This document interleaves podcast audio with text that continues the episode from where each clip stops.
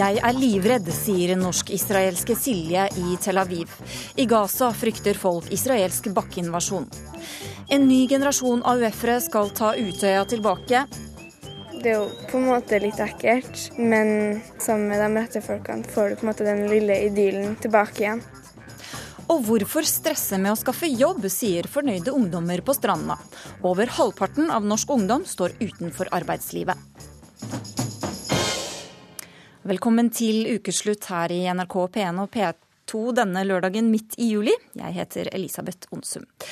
Vi skal også snakke med Jan Bøhler, som lengter etter å være mer breikjefta fra Stortingets talerstol.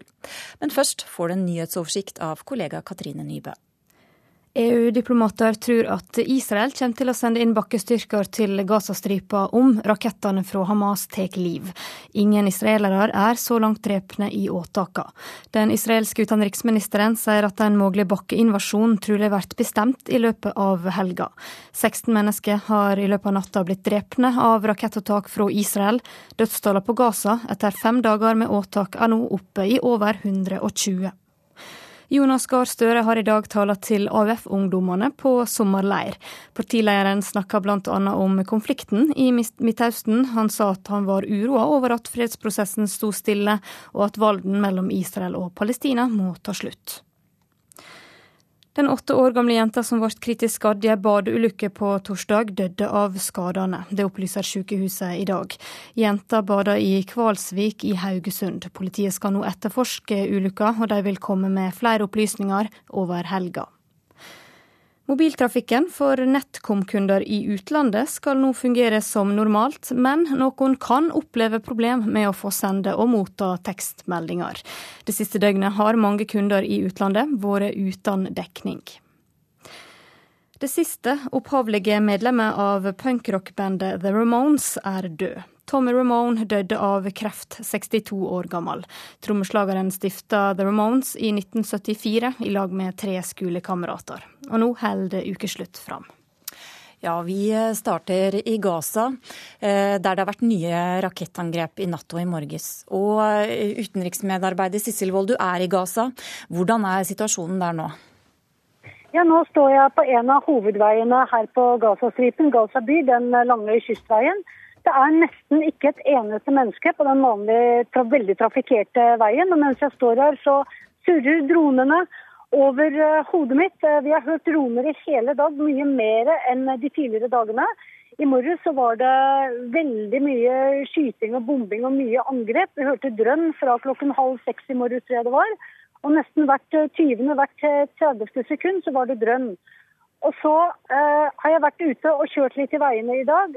Stort sett er de helt tomme, men det eneste stedet der hvor det er masse folk, det er på gravlundene. Fordi at folk er i begravelser. Det er der du finner folk i Gaza nå. Ja, Det snakkes nå, som vi hørte i Dagsnytt også, om at Israel kan komme til å sende inn bakkestyrker i Gaza. Hva vet du om det? Ja, Vi hørte her i morges eh, fra en israelsk journalist som hadde sendt på Twitter meldinger om at soldatene nå har fått beskjed om at de må gi fra seg mobiltelefonene sine, de israelske soldatene. Og at det er et uh, tegn på at bakkeinvasjonen er nært forestående. Det kan være seks timer, det kan være 20 timer, det vet vi ikke. Men vi har også regnet med at før bakkestyrkene kommer, så er det veldig mye bombing og angrep for å, å, å, ta ut en del mål, som det heter, for å legge ting til rette for at bakkestyrkene skal ha en lettere jobb her inne i Gaza. Hvordan forbereder den palestinske befolkningen seg på en eventuell invasjon? Jeg skjønner nesten ikke hvordan samfunnet her fungerer. fordi at eh, Folk er jo ikke ute lenger. Hvordan får de mat? Bankene virker jo ikke, det er ikke noe penger å få tak i. Eh, de er inne alle sammen, vettskremte. Det er ramadan, så de spiser jo ikke mye mat på dagen. Men om kvelden så må de jo gjøres gjøre stand til iftar måltid. Men folk er livredde, for de vet at når soldatene kommer inn, så er de veldig nervøse. For Israel så er Gaza et terroristreir. Og de er nervøse, og da skyter de kanskje oftere enn det de hadde gjort hvis de eh, hadde vært litt mer sikre på omgivelsene. Takk skal du ha i denne omgang, Sissel Wold. Eh, også på israelsk side så skaper situasjonen frykt. Eh, siden tirsdag har palestinske grupper skutt hundrevis av raketter mot Israel. Og kort tid før sending så snakket jeg med en norsk-israelske Silje, som er eh, musikkstudent i Tel Aviv. Den siste uken har vi jo så vidt sovet. Eh, alarmen går, så har du 90 sekunder hvis du er heldig og bor i Tel Aviv. Eh, så har du 90 sekunder til å finne et sikkert rom, da og være der til eh, raketten har falt eller blitt stoppet av Iron Dome. Eh, og da må du vente ti minutter til det er helt stille. Um, det er en veldig skummel situasjon å være i. Det fins jo byer i Sør-Israel um, hvor du har eh, rett og slett 15 sekunder på å finne dekning. Det er 15 sekunder på å redde ditt, mer eller mindre. Det er jo kjempeskummelt det er jo utrolig traumatiserende for både barn og eldre mennesker. Selv for meg. Jeg er jo norsk. Jeg er her og studerer musikk. Og så må jeg bli vekket midt på natta av alarmer og sirener og løpe ut enten i trappeoppgangen eller inn i bomberom og håpe på at bomben ikke treffer meg. Og det er, det er utrolig, utrolig skummelt. Jeg drømmer jo om sirener nå. Uh, første gangen eh, alarmen gikk, var, var, ikke nå. Det har vært tidligere. For jeg bodde jo eh, i Askeland, som, som, ligger veldig nærme Gaza. Jeg bodde der fem, de første fem månedene jeg var i Israel. Tel Aviv er sikrere enn Askeland. Askeland går jo raketten Alarmen går jo hvert femte minutt. De drar på jobb. Og det som er, det som er med, med israelerne her, er de, de er så vant til situasjonen at de fortsetter hverdagslivet. Jeg som norsk er stressa til de grader. og Går en rakett, så går de ut av bilen og legger seg ned på magen og tar hendene over hodet og håper på det beste. De fortsetter å leve livet sitt. Raketter flyr inn på dem hvert femte minutt, og de drar på jobb. og de, Det er utrolig traumatiserende. Eh, men de er blitt vant til det. De må leve videre. De kan ikke bare sitte hjemme sånn som jeg har gjort. De, de, må, de må, fortsette livet, og de må klare å fungere som et vanlig menneske. Har du vurdert å reise hjem til Norge? Nei, det har jeg ikke. Ehm, jeg vurderte å kanskje komme på ferie til det ror seg. For det her er ikke første gang det skjer. Det kommer jo Når det blir en fredsavtale, så er det, så er det en en, et og et halvt år hvor det er stille, og så skjer det igjen. Um, men uh, nei, jeg har ikke tenkt på å dra tilbake til Norge. Jeg vil jo gjerne være her. Utenom krigen så er det et ganske fint sted å være. Det som skremmer meg egentlig mest nå, er ikke rakettene, som i seg selv er kjempeskummelt. Utrolig nok har jeg blitt vant til at jeg ikke sover om nettene og venter på at sirenen Jeg sitter rett og slett og venter på at sirenen skal gå av. Um, det som skremmer meg mest, er intifada, um, som har vært tidligere også, hvor det kommer selvmordsbomber og eksploderer seg. Uh, eksploderer i busser og på kafeer. Og jeg, jeg studerer jo i Tel Aviv, og jeg tar jo bussen til, til skolen nesten hver dag. Og bare tanken på at den bussen jeg setter meg på, kan plutselig eksplodere. Det er, det er en veldig veldig skummel og urealistisk situasjon for meg å leve i. Og jeg håper virkelig at det bare tar slutt snart. Akkurat nå er over 700 AUF-ere fra hele landet samlet på Gullstrud i Buskerud. Dette er den andre sommerleiren AUF har holdt siden terrorangrepet på Utøya i 2011. Og reporter Line Tomter, hva skjer på Gullstrud nå? Ja, Det viktigste som har skjedd på Gullstrud i dag, er nok at den ferske partilederen Jonas Gahr Støre har vært og holdt tale. Og han var fryktelig populær. Jeg spurte mange ungdommer etterpå hva syns dere om talen. Alle bare å, Jonas er så bra. Eh, og Vi står her med Jonas Gahr Støre. Hva syns du om mottakelsen du har fått her i dag av ungdommene? Det er jo 800 ungdommer her, og det eh, veldig, eh, gjør veldig inntrykk på meg. Fordi eh, de har valgt å være en del av sommerferien på en leir hvor det både er lek og moro, men masse politikk og også alvor. Og de møter disse sakene med stor arbeidsom interesse. Og jeg er alltid nervøs før jeg skal til AUF, fordi at du vet at du møter tøffe spørsmål der. Og folk som har forberedt seg veldig godt. Men når det er så fint vær, så er det jo også en fantastisk leirstemning. Så det er veldig fint å være her. Du var jo ikke medlem i AUF selv. Skulle du ønske du hadde vært her som tenåring? Jeg kan ikke ønske annen barndom og ungdomstid. Det var ikke naturlig for meg å delta i partipolitisk arbeid på den tiden. Engasjementet mitt gikk litt sånn i andre retninger. Men jeg ser jo at de som er med her, og det er jo en appell til alle ungdommer i forhold til alle politiske ungdomspartier, de får en utrolig læring. Masse kunnskap om samfunnet, masse kunnskap om hvordan du tar ordet, deltar i debatter, engasjerer deg. Og det kjenner vi jo veldig igjen når vi møter AUF-ere senere i livet, også i politikken, at de har fått med seg en veldig god skole. Så den skulle jeg gjerne hatt med. Så får jeg prøve å lære i voksen alder. Det virker som du klarer det. Eh, hva er rettferdighet, stilte du som et retorisk spørsmål fra talerstolen. Hva syns du er rettferdig for Gaza, Israel, akkurat nå? Altså jeg mener jo Det spørsmålet bør vi stille oftere. for vi stiller ofte, Hva mener vi om den ene saken og den andre saken? Kan du svare kort på det? Ja, men Rettferdighet for disse menneskene er å slippe vold og krig. Eh, og Det rammer nå massivt i Gaza, hvor man bomber altså folk med fly. Det første er umiddelbart at det må stoppe. Men det er også rettferdig overfor Israel. Eh, at ikke de skal få bomber andre veien, og at folket der kan komme på et spor som leder til fred. Så Den største urettferdigheten som er, er eh, drama å være sivil i krig. Eh, og det er det nå altfor mange mennesker som er i denne regionen, særlig i Gaza. Neste år så skal leiren tilbake til Utøya. Hvordan ser du på det å komme som partileder til Utøya neste år og holde tale?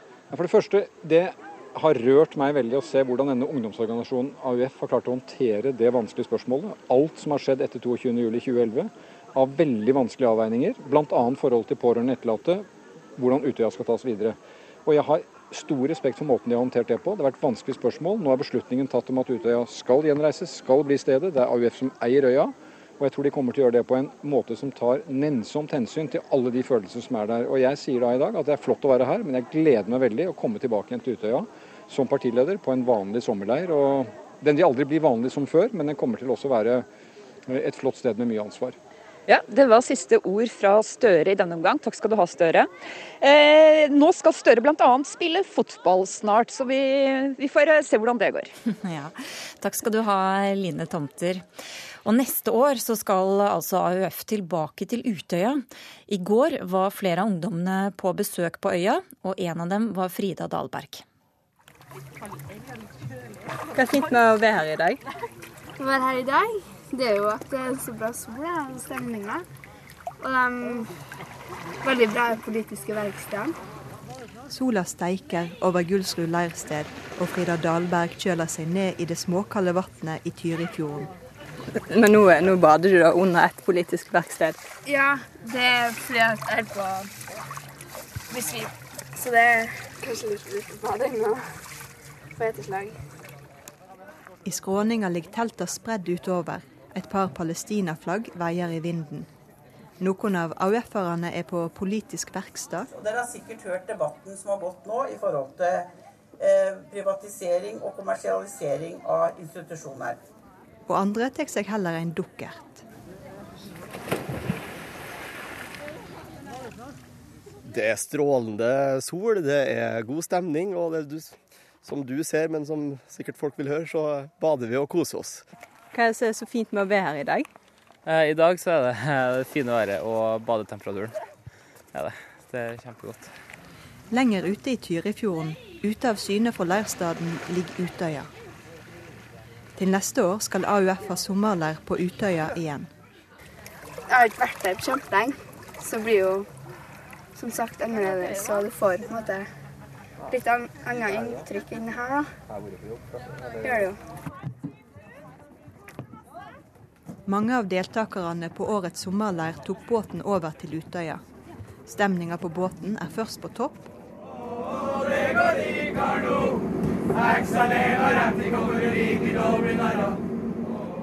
Men så, når vi nærmer oss kaien, blir folk stille.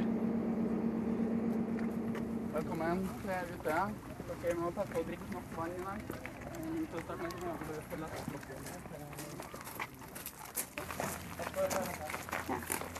Frida går inn i kafébygget på Utøya, der 13 mennesker ble drepne 22.07.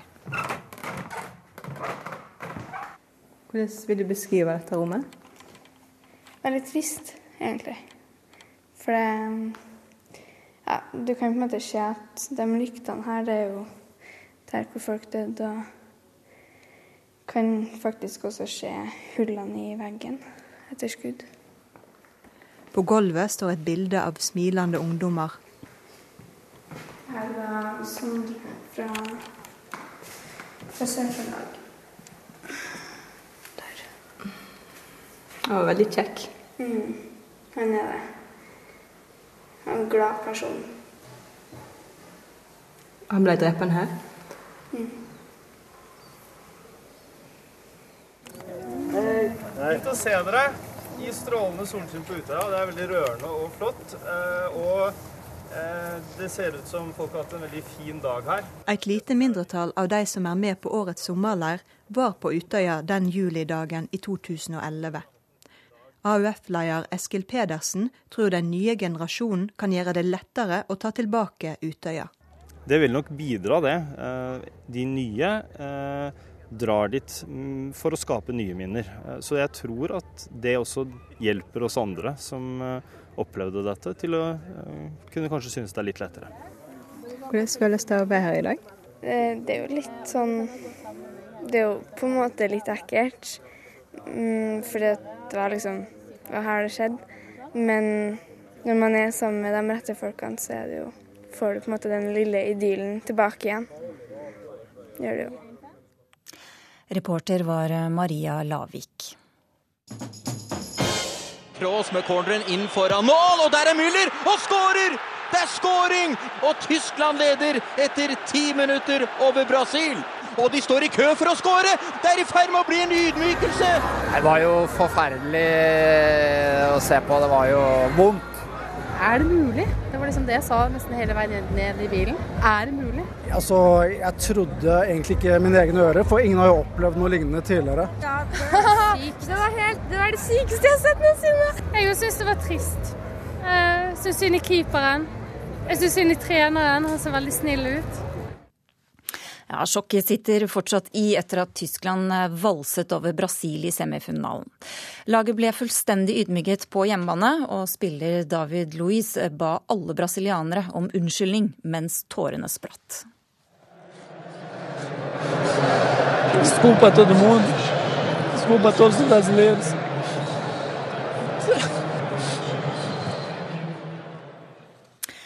Brasil-patriot og forfatter Jon Michelet, du hadde vel også en ganske fæl kveld tidligere i uka?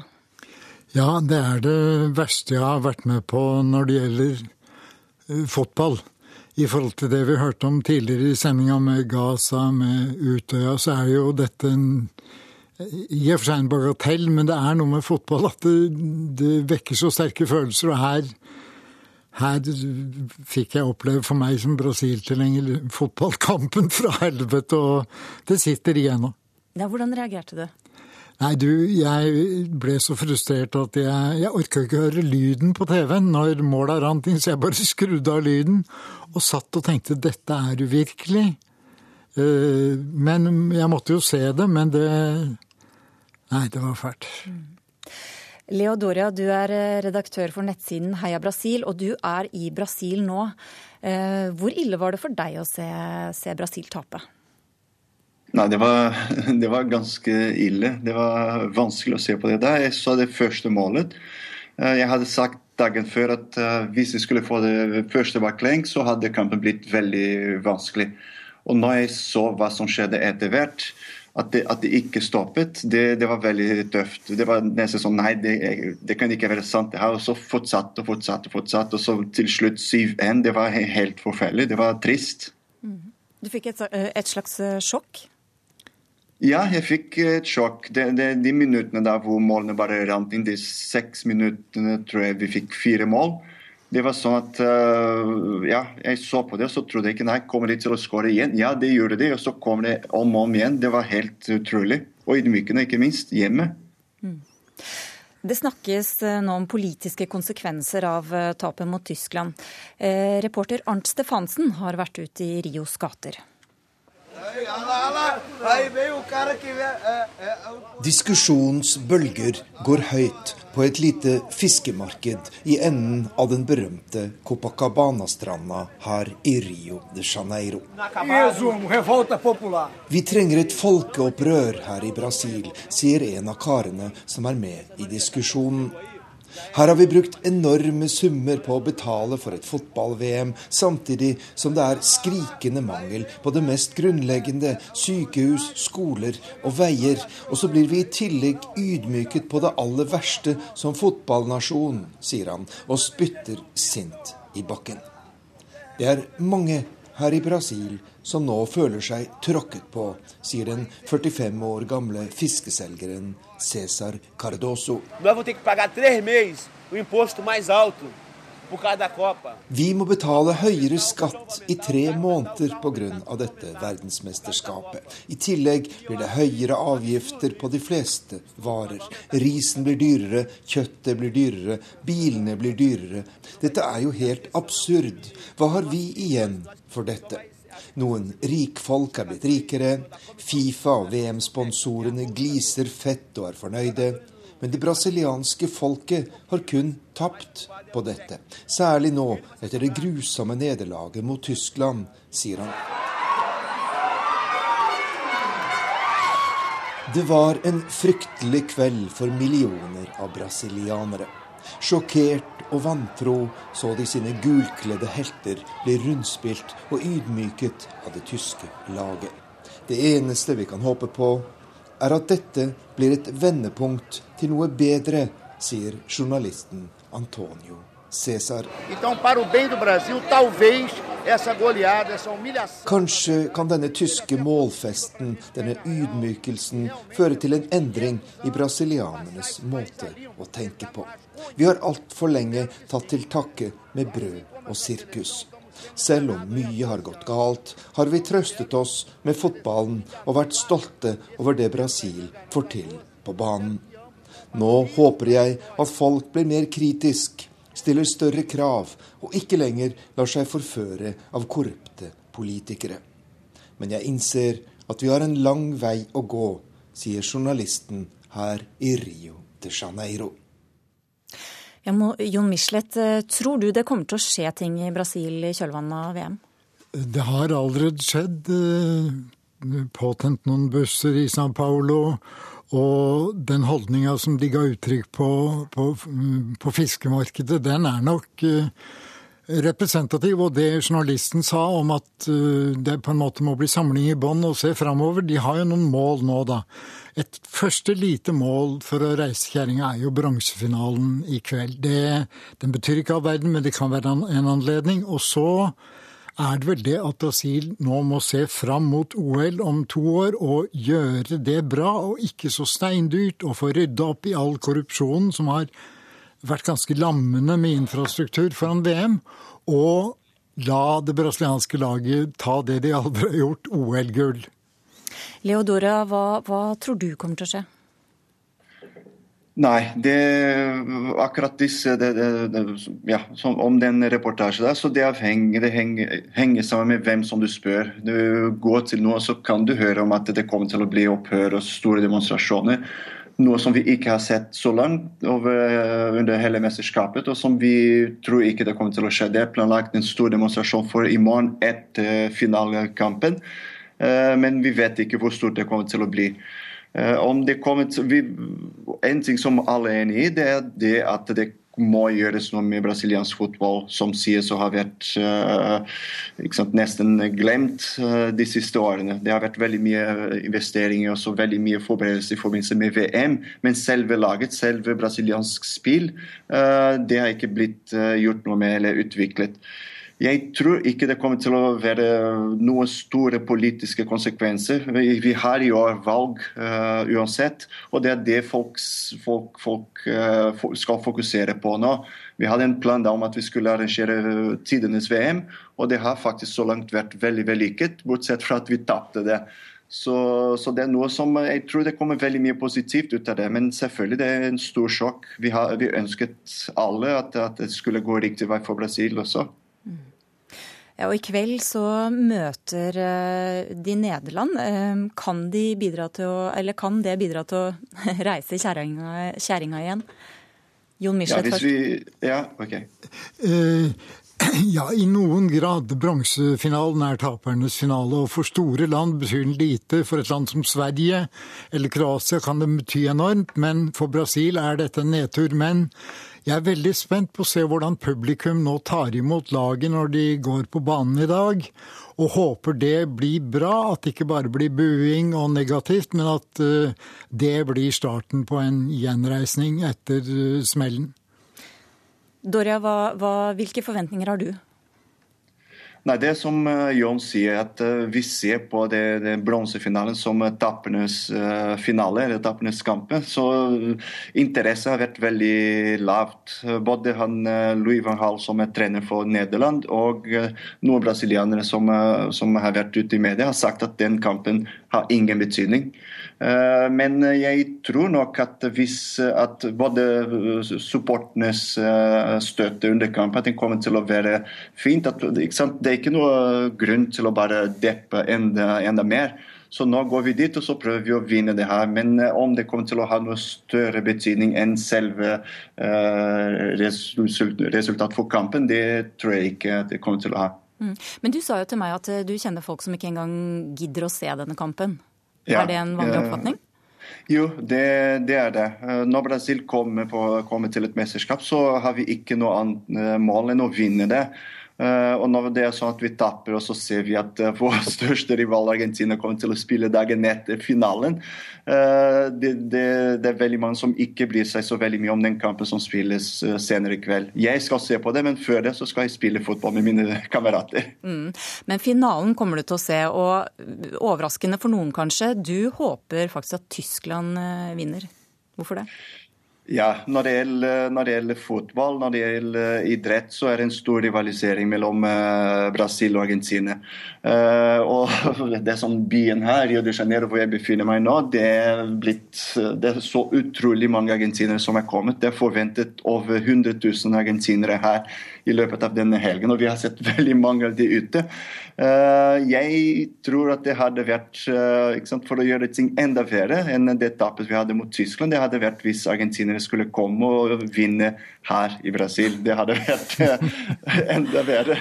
Hva sier du til det, Jon Michelet? Nei, jeg, jeg, er jo ikke brasilianer, selv om jeg elsker Brasil og fotballen. Men jeg tenker litt annerledes. Hadde jeg vært i Brasil nå som brasilianer, så ville jeg tenkt nå får argentinerne, våre naboer, jaggu slå det laget som slo Brasil. Altså, så i finalen så holder jeg faktisk med med Argentina for å redde noe av Sør-Amerikas ære. Jeg prøver å tenke litt sånn kontinentalt på, på hele Sør-Amerika, men jeg skjønner da at ikke det er helt gangbart blant mange brasilianere. Mm.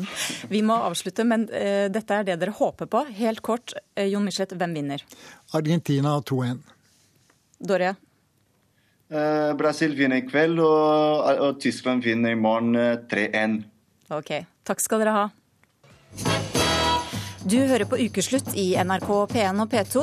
Heng med, heng med, videre, da får du møte ungdommer som er lykkelige for ikke å ha sommerjobb. Og hør hvilke kraftuttrykk Jan Bøhler lengter etter å få si usensurert fra Stortingets talerstol.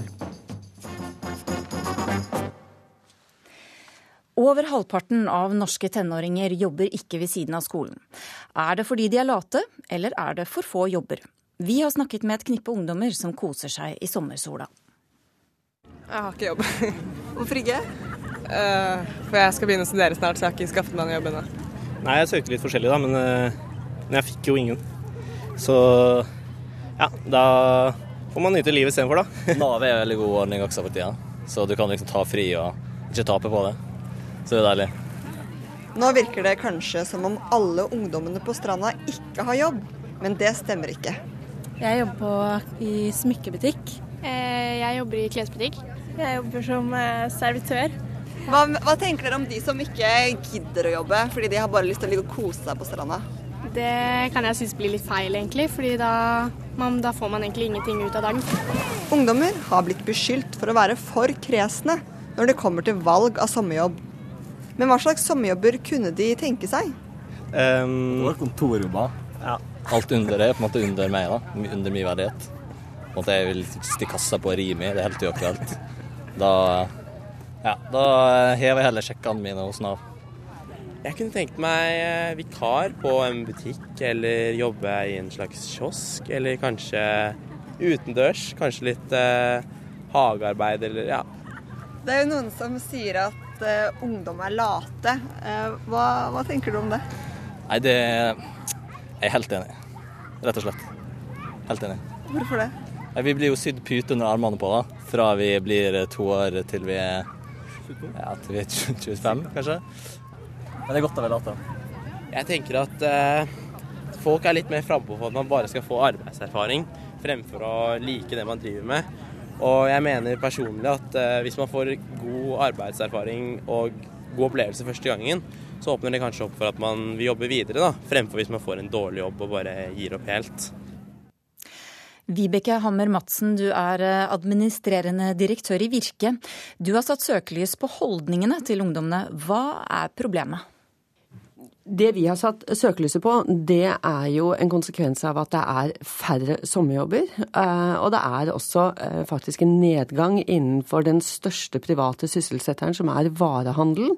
Og som gjør at konkurransen til å komme ut i arbeidslivet er blitt enda vanskeligere. Og da mener vi at det er viktig at de unge, sammen med også sine foreldre, så vi utfordrer også foreldre, begynner tidlig å tenke på hva har du lyst til å gjøre, og ikke minst tenke på å se etter type sommerjobber eller andre jobber i si, andre deler av året i ferietiden. Og her er det viktig å være tidlig ute. Og ikke bare tenke på eh, jobb på øverste hylle, men å være litt mer åpen for egentlig at all eh, jobberfaring er viktig erfaring. Men du har sagt at de er kresne? Det jeg har sagt er at de er ambisiøse. Hva er forskjellen på kresen og ambisiøs? Ja, altså, jeg, jeg, liker mye bedre å si, og det opplever jeg, at eh, norsk ungdom i dag er ambisiøse. Og det er det vi, eh, det vi, trenger. Kresene har for meg en litt sånn negativ eh, vri i det, men, men, gjerne for meg. Eh, kan godt også være, være kresne. Og så sier jeg skal du ha midlertidig jobb, så ikke vær for ambisiøs, ikke vær for kresen da. Ja, for det er jo, er jo, sånn at denne saken har eh, absolutt flere sider. En rekke saker denne uka viser at søkere står i kø for å få jobb. Kampen om jobbene har blitt tøffere. Reporter Hedvig Bjørgum har møtt Jakob Ingemansson, svensken som konkurrerte med over 800 søkere om en deltidsjobb på Kiwi. Det er kjempebra jobb og kjennes kjempebra. Det er hyggelige kolleger og veldig hyggelige kunder, så det kjennes kjempebra. Det er mye å gjøre. Det finnes alltid noe å gjøre. Det er kul, og det, er, eh, det hender alltid noe nytt. Men så er Jakob Ingemannsson svensk, og i Sverige er det enda tøffere arbeidsmarked for de unge. Godt vant norsk ungdom opplever nå at de blir flere konkurrenter om færre stillinger enn for et år siden. Det er 15-17% færre stillinger å søke, og konkurransen blir også tøffere fordi norsk ungdom møter fleksible og arbeidsvillige innvandrere som også jakter jobb. Økningen i arbeidsledigheten for de unge voksne er på 6% det siste året, målt fra juni til juni. 22 000 personer mellom 20 og 30 år er nå helt uten arbeid. Men om ungdommen blir deppa av tanken på at de må stå på enda mer for å få en jobb, det bør ikke synes på dem når de står foran en mulig arbeidsgiver. I alle fall ikke om de følger rådet fra en av vinnerne på arbeidsmarkedet.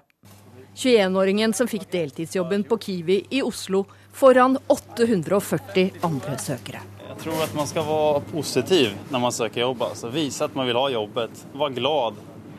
For en positiv menneske den kan ingen altså, motstå, tror jeg ikke.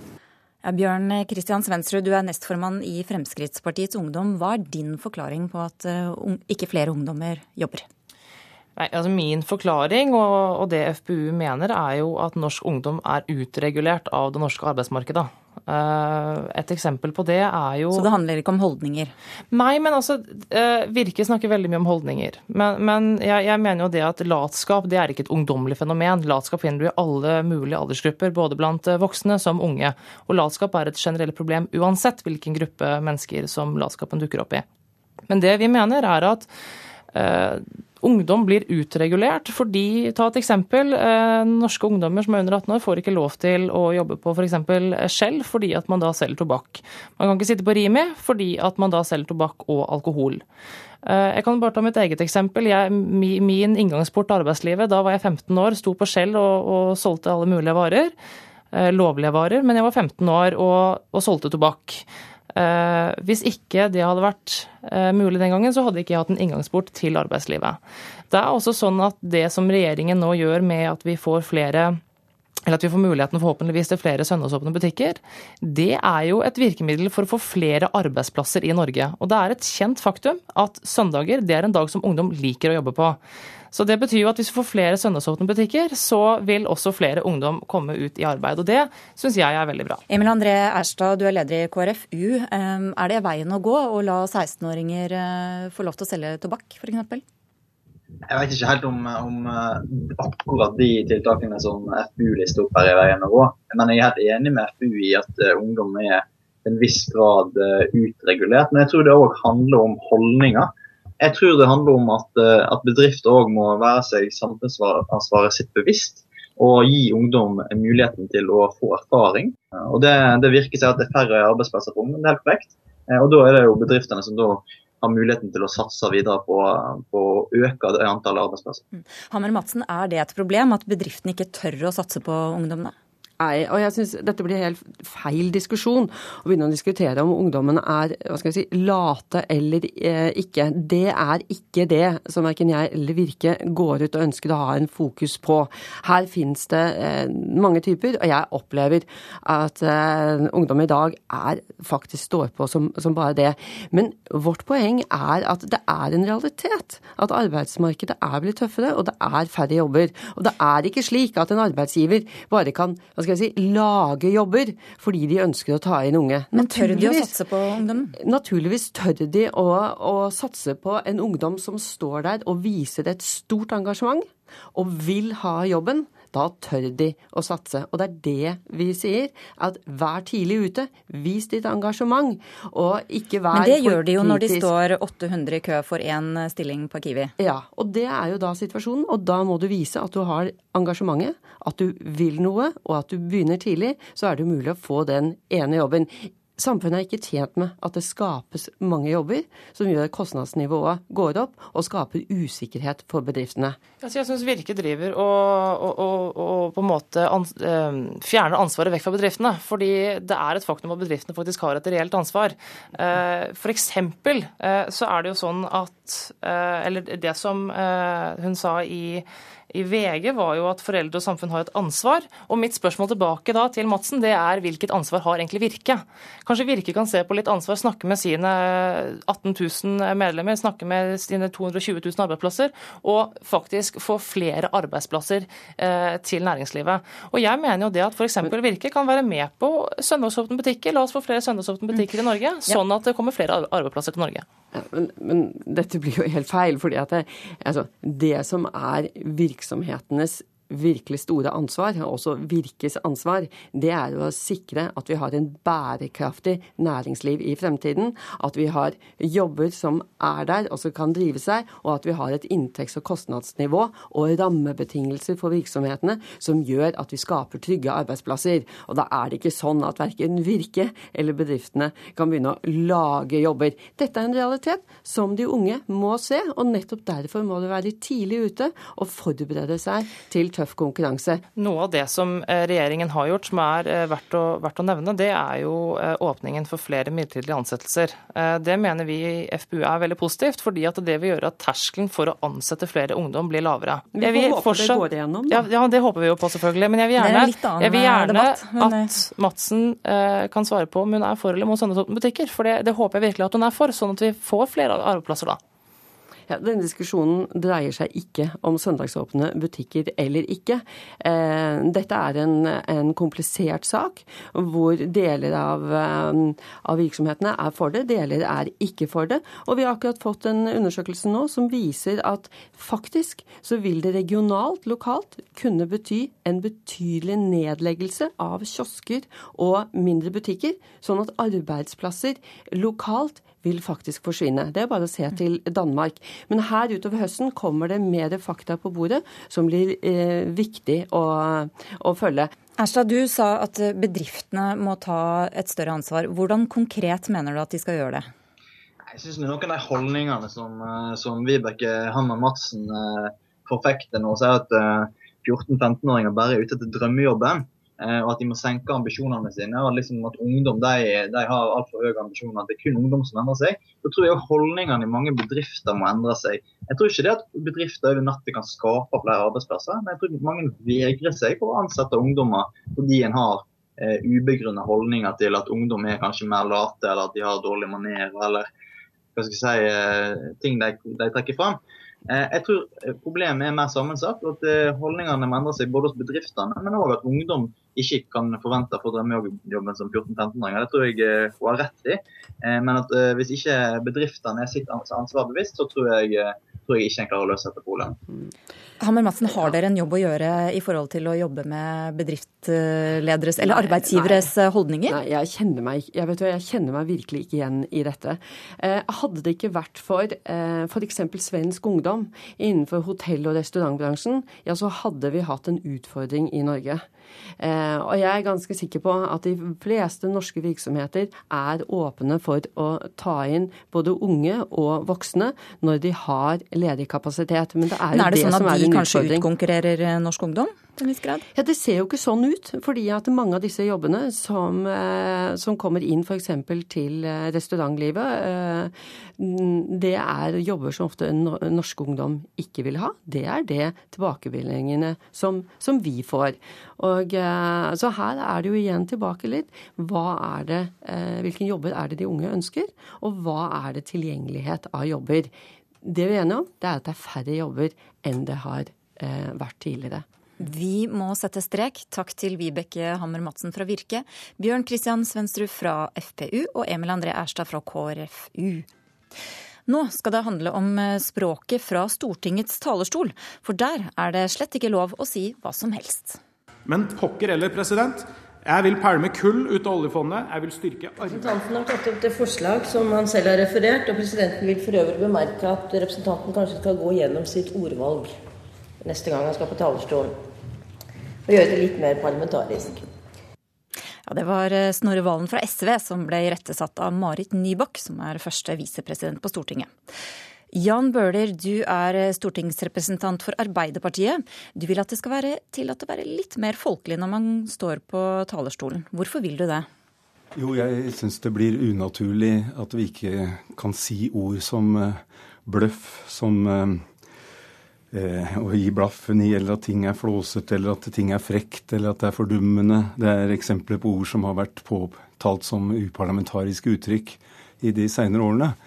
Um, og, og, jeg synes at um, det er mye opp til den enkelte representant hvordan man vil framstå overfor velgerne. Noen har en, sin språkform, andre har en litt mer eh, personlig språkform. Det kan være mange forskjellige særtrekk ved oss representanter som eh, ikke burde mm, viskes ut når vi er på talerstolen.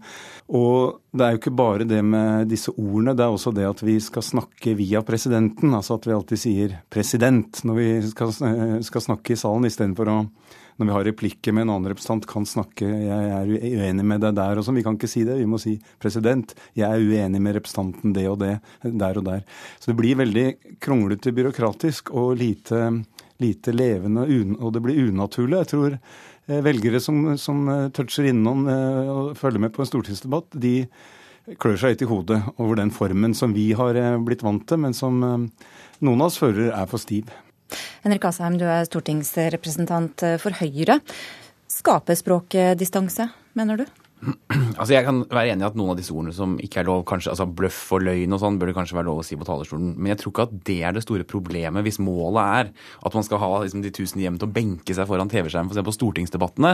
Så tror jeg ikke problemet er det. Og jeg tror heller ikke vi kommer til å havne der nesten uansett. Men noe av det som, altså jeg, Dette er min første periode på Stortinget. Jeg har sittet på Stortinget nå litt under et år. Eh, og jeg ble egentlig overrasket over hvor stort stillingsmål det er for f.eks. å komme med angrep. Altså Jeg har fortid fra kommunestyre og fylkesting, og der er det sånn at ikke bare skal man jo ikke si stygge ord, men man skal også hele tiden si at her er vi heldigvis enige alle sammen om mål osv. osv. Altså bare det å komme med litt, en politisk finte er liksom ikke lov i, i, lokalpolitikken. Og det mener jeg at Stortinget er bedre på enn jeg trodde. Sånn at det er litt mer rom enn som så. Men, eh, men eh, jeg tror at det viktigste hvis man skal live opp debattene, for det tror jeg er viktig, det er å se på hvordan de legges opp. Altså I dag så er det slik at de er ganske gjennomregissert, altså. altså. Vi har en sak som vi da har jobbet med lenge, og så får alle partiene fem minutter hver, så skal alle si det de skal si, og de vet hva alle kommer til å si. Eh, og så etterpå så er det replikker, og vi vet hva replikkene kommer til å være. Eh, og så blir på en måte debatten litt sånn det blir et, eh, altså Vi snakker til referatet istedenfor å snakke til hverandre. Og det tror jeg ikke nødvendigvis ja, engasjerer massene. Da. Og jeg mener at Hvis man ser på for hva Sverige gjør, så har de, de tillater f.eks. applaus som, ganske, som i seg selv liver opp en debatt. Eh, og så har de noe som de kaller for partilederdebatt, som er en gang i halvåret, hvor partilederne får ti minutter hver til å innlede, og da snakker de om akkurat hva de vil. Og så etterpå så er det replikker fra alle de andre partiene på den partilederen. Da får du en litt mer sånn dynamisk debatt enn bare når vi har en ferdig innøvde fem minutter om en EØS-forordning som alle vet at kommer til å gå gjennom uansett. Ja. Vi, bare for å si det, så har vi invitert eh, presidentskapet også. De ønsket ikke å delta. Eh, men Jan Bøhler, hva er det du har hatt lyst til å si fra talerstolen som du har tenkt at dette kan jeg ikke si? Det er, eh, Særlig når vi har disse replikkordskiftene, så må jeg mange ganger ta meg i at jeg, jeg, har lyst på å være i kommunikasjon med den som spør meg om ting. Eller hvis jeg spør en statsråd om noe, så har jeg lyst på å kunne si der er jeg uenig med deg. Det der, eh, ikke sant? Jeg har lyst på å gå rett til poenget istedenfor å skulle si ærede president. Eh, jeg er ikke enig i det representanten Som om du skulle vært i en debatt i studio her, f.eks.? Ja, som, altså fordi alle andre steder i samfunnet hvor vi diskuterer, enten det er i NRK eller andre debattfora, så snakker vi til hverandre. Og det er noe med å vise oppmerksomhet, vise lydhørhet, komme nær hverandre, kommunisere godt. Jeg tror eh, vi burde kaste oss den tvangstrøya. Jeg tror ingen vil oppføre seg dumt for det om vi, vi, får lov til å si dumt, og for det om vi slipper å si president. Men kom med noen eh, eksempler på ord som du gjerne skulle ha sagt. Jeg lover å ikke klubbe deg ned. Åpen mikrofon i ukeslutt. Nei, jeg vil gjerne. Jeg syns det er tullete å ikke kunne si at uh, ting er tullete, eller at ting er dumt, eller at ting er frekt, eller at man sauser sammen ting Eh, at representanten gir blaffen i noe, at det er fordummende. Dette er eksempler på ord som er eh, klubbete. Jeg har i hvert fall en form hvor det blir litt eh, lite Det blir litt for lite løs snipp. Mm. Har, du, har, du, kjent på det, Henrik Asheim, at, at, snippen uh, blir litt for tight og dressen litt for trang uh, når du står der? Ja, altså det første innlegget jeg holdt i talerstolen på Stortinget, tror jeg er noe av det kjedeligste som noen gang jeg har holdt der. For jeg turte jo ikke å si eller gjøre noe som helst gærent, ikke sant. Så det var jo bare selvfølgeligheter og ja. Men, men det går seg til ganske kjapt, vil jeg si. Og jeg syns at vi har ganske mange flinke retorikere fra alle partier på Stortinget i dag som kan holde innlegg som det virkelig suser av. Altså, vi har hatt noen runder mellom Kolberg og Per Sandberg f.eks. som har vært god underholdning å følge med på uh, sent på kvelden i Stortinget. Sånn at det er jo fortsatt litt liv. men så er det samtidig sånn at altså, dette her er jo debatt i parlamentet.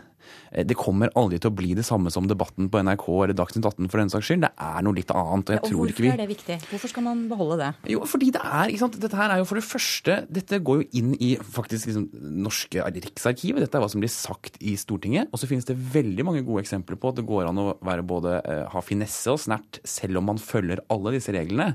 Noen av de flinkeste retorikerne opp igjen. Altså, Karl Joakim Hambro, f.eks., som brukte sant, regelverket til sin egen fordel. Han sa at eh, jeg vil ikke kalle det korrupsjon, men hvis noen kalte det korrupsjon, så ville jeg hatt problemer med å være uenig. Som er en måte å omgå regelverket på, som gjør det egentlig enda litt morsommere. Vi skal eh, gjøre en liten øvelse på tampen her. Eh, fordi VG Altså Presidentskapet har jo ikke en egen liste med forbudte ord. Eh, det er jo opp til den enkelte president å avgjøre hva de vil la passere. VG har gitt en del eksempler på ord og uttrykk som ikke har passert. Og nå eh, skal dere to få svare ja eller nei på om dere mener uttrykket er innafor. Først Bøhler, og så Asheim. Visvas. Ja, det er innafor. Ja, det er jeg enig i. Innafor. Halen mellom beina. Ja, det er innafor. Ja. Røyktepperegjering. Ja, det Kom på hvilken regjering du snakker om. Nei, men ja da, jeg er enig i det. Det bør være lov. One night stand. Ja. Ja, Den syns jeg er litt vanskeligere, faktisk, altså, på, på, Stortingets talerstol. Nei, så Alle vet jo hva one night stand er for noe, eh, og da er det jo kanskje en betydning som ikke nødvendigvis trenger å fremføres på Stortingets talerstol. Like forbaska.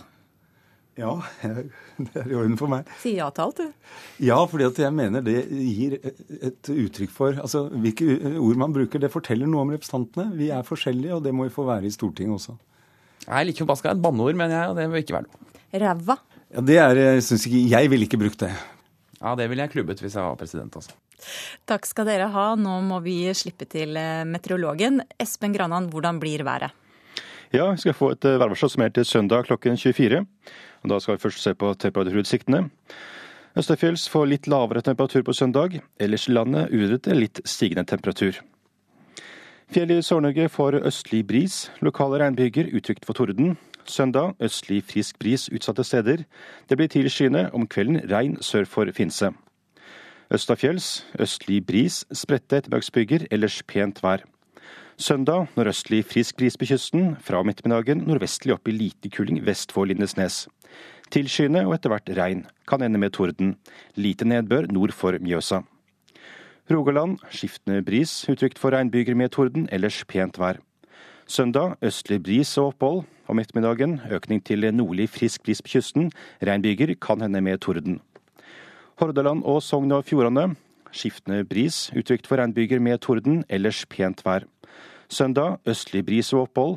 Utrygt for tåke på kysten først på dagen. Fra om ettermiddagen nordlig frisk bris på kysten og utrygt for regnbyger. Møre og Romsdal og Trøndelag nordøst opp i frisk bris på kysten. Utrygt for regnbyger med torden, ellers pent vær. Søndag sørøst bris, om kvelden frisk bris utsatte steder i Trøndelag. Lokal tåke på kysten, ellers pent vær. Nordland skiftende bris, på kysten opp i nordøstlig frisk bris. I indre og sørlige strøk enkelte ettermiddagsbyger, uttrykk for torden. Ellers pent vær. Kan hende tåkeskyer på kysten i nord. Troms skiftende bris, på kysten opp i nordøstlig frisk bris. I indre strøk enkelte ettermiddagsbyger, uttrykt for torden. Ellers opphold. Søndag pent vær. Finnmark får skiftende bris, kysten nordøstlig frisk bris. Søndag opp i liten kuling. På vidda og i Pasvik enkelte ettermiddagsbyger, uttrykk for torden. Ellers opphold og etter hvert lettere skydekke. Søndag blir det pent vær. Og til slutt Nordensjøland på Spitsbergen. Nordvestlig frisk bris og pent vær. Og det var værvarselet. Og dette var ukeslutt. Ansvarlig for sendingen Alf Hartken, teknisk ansvarlig Hilde Tosterud. Jeg heter Elisabeth Onsum.